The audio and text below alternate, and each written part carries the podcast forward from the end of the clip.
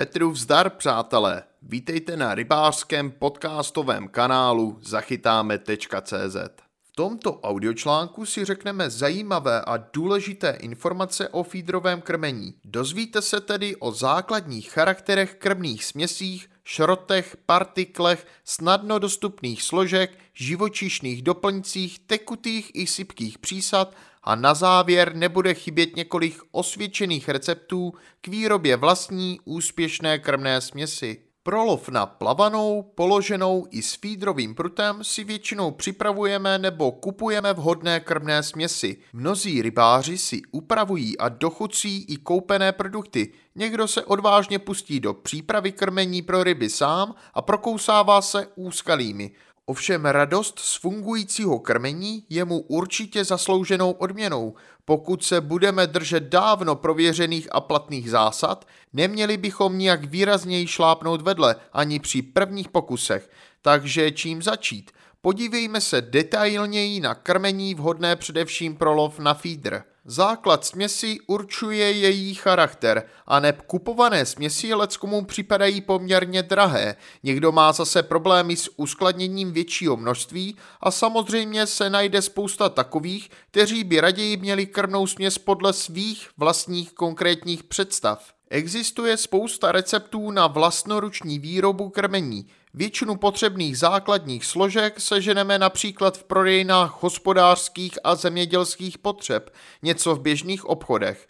A pokud nám to nebude stačit, můžeme pro posilovače a vzácné aromatické přísady vyrazit do rybářské prodejny nebo si vybrat v nabídce některého z nespočetných internetových obchodů. Pro fídrové chytání vyžadujeme, aby směs držela v krmítku, pozvolna se rozpouštěla a uvolňovala lákavé částečky obsahující pachové stopy.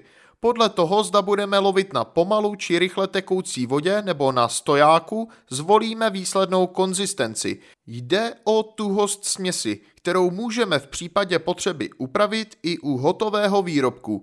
Raději ale s požadovaným charakterem počítejme už od zahájení přípravy. Určitě budeme potřebovat obilný šrot, nejlépe kukuřičný nebo ječný, strouhanku a ovesné vločky. Častou součástí je i rýže, která dodá směsi přilnavost a soudržnost. K vytvoření krmného mraku slouží nejčastěji i určité množství hlíny, antuky nebo kopaného písku – pro získání objemu a zvýšení přitažlivosti je výbornou, přitom zároveň levnou a většinou snadno dostupnou složkou i rozmočený usušený chléb nebo bílé pečivo. Místo pracného odvažování běžných ingrediencí stačí použít vhodnou odměrku. S atraktory a dipy potom zacházejme velmi opatrně. Prostudujme si příbalový leták nebo text na obalu a mějme na paměti, že méně je často více – Nadměrným přidáním příliš aromatických látek totiž můžeme rybám krnou směs dokonale znechutit. Osobně dávám přednost dostupným a rybáři už za dlouhé roky prověřeným ingrediencím,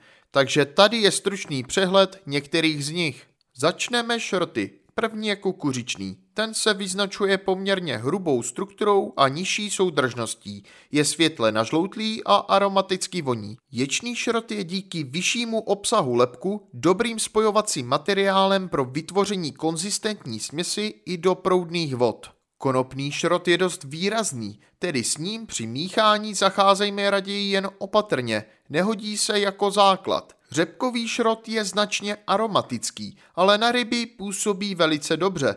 Použité množství by nemělo přesahovat třetinu celkového objemu, není ale tak často dostupný. Pak tu máme další snadno dostupné složky, mezi které patří například strouhanka. Ta svou vůní láká ryby, dobře se uvolňuje a vytváří krmný mrak. Lze ji koupit nebo vyrobit, v žádném případě nestrouhat z plesnivého pečiva. Dále pak ovesné vločky. Ty je před použitím třeba nejméně na hodinu namočit, velmi dobře pomohou držet směs pohromadě.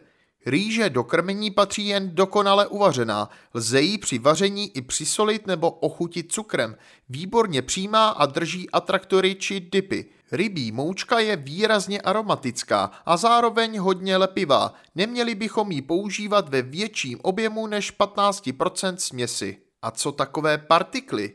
Řepka se přidává vždy lehce spařená, případně ji můžeme krátce povařit. Konopné semínko je výbornou přísadou do krmení v teplejší vodě. Přidáváme ho hned po uvaření.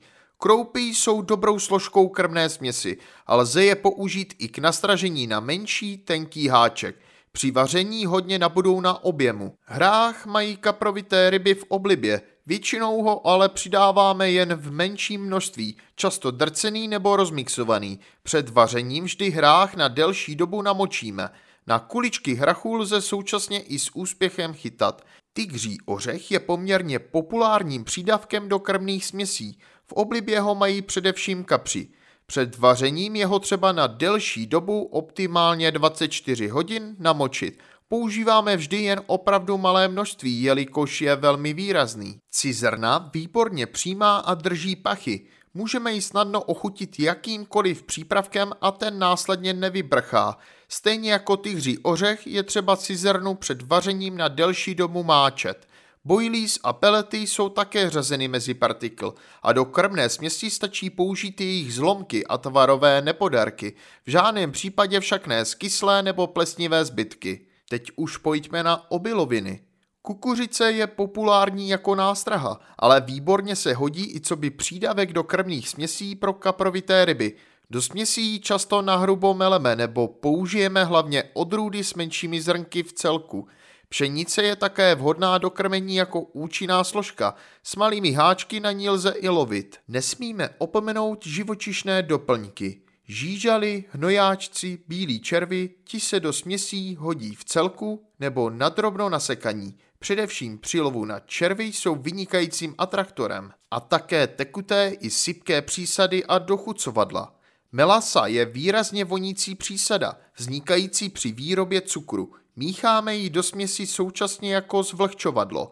Anýs byl populární přísadou už za našich dědů, výrazně voní a hlavně kapří ho mají v oblibě. Vanilka je vynikající a poměrně silný atraktor. Můžeme použít prášek, drcené lusky nebo vývar z nich. Podobně lze využít i vanilkový cukr nebo vanilkový puding v prášku. Česnek, čili, magy, polévkové koření Občas mají ryby i chuť na něco výrazně okořeněného. S těmito přísadami ale zacházejme opravdu opatrně, abychom nic nepokazili. Raději si okořeňme jen menší část připravené krmné směsi a vyzkoušejme ji. Pokud bude fungovat, můžeme tyto přísady použít i do celého krmení. Přísad existuje samozřejmě mnohem víc, ale to bychom se prostě nezastavili, takže kromě těch osvědčených se nebojte i nějakého toho experimentu. Na apetitu ryb snadno poznáte, zda jste se jim trefili do noty. Na závěr si uvedeme pár příkladů pro výrobu vlastní krvné směsi. Dostatečně velké nádobě smísíme sypké složky nejprve jen na sucho a důkladně je promícháme, potom přidáme případně tekuté ingredience a ve finále po promíchání dovlhčíme podle potřeby. Směs můžeme uchovávat po namíchání suchou, déle vydrží a navíc, když ji neseme k vodě, bude kbelík značně lehčí, namočíme ji až na místě. Základ směsi pro klidné a stojaté vody tvoří namočené ovesné vločky 3 díly, doměka uvořená rýže 2 díly, spařená řepka nebo řepkový šrot 1 díl. Pro mírně tekoucí vody bude vhodné použít ječný šrot 3 díly, hrubší kukuřičný šrot 2 díly, spařená řepka 1 díl, strouhanka 1 díl, hlína z krtince 2 díly krmení. A pro rychleji tekoucí vody použijeme ječný šrot 3 díly, kukuřičný šrot 2 díly, spařená řepka 1 díl, namočený sušený chléb 3 až 4 krajíce, melasa 3 polévkové lžíce. To by bylo pro tento audiočlánek o krvných směsí vše. Pokud vás tento článek zaujal, veškeré další informace, včetně fotografií a videí, najdete na rybářském magazínu www.zachytáme.cz.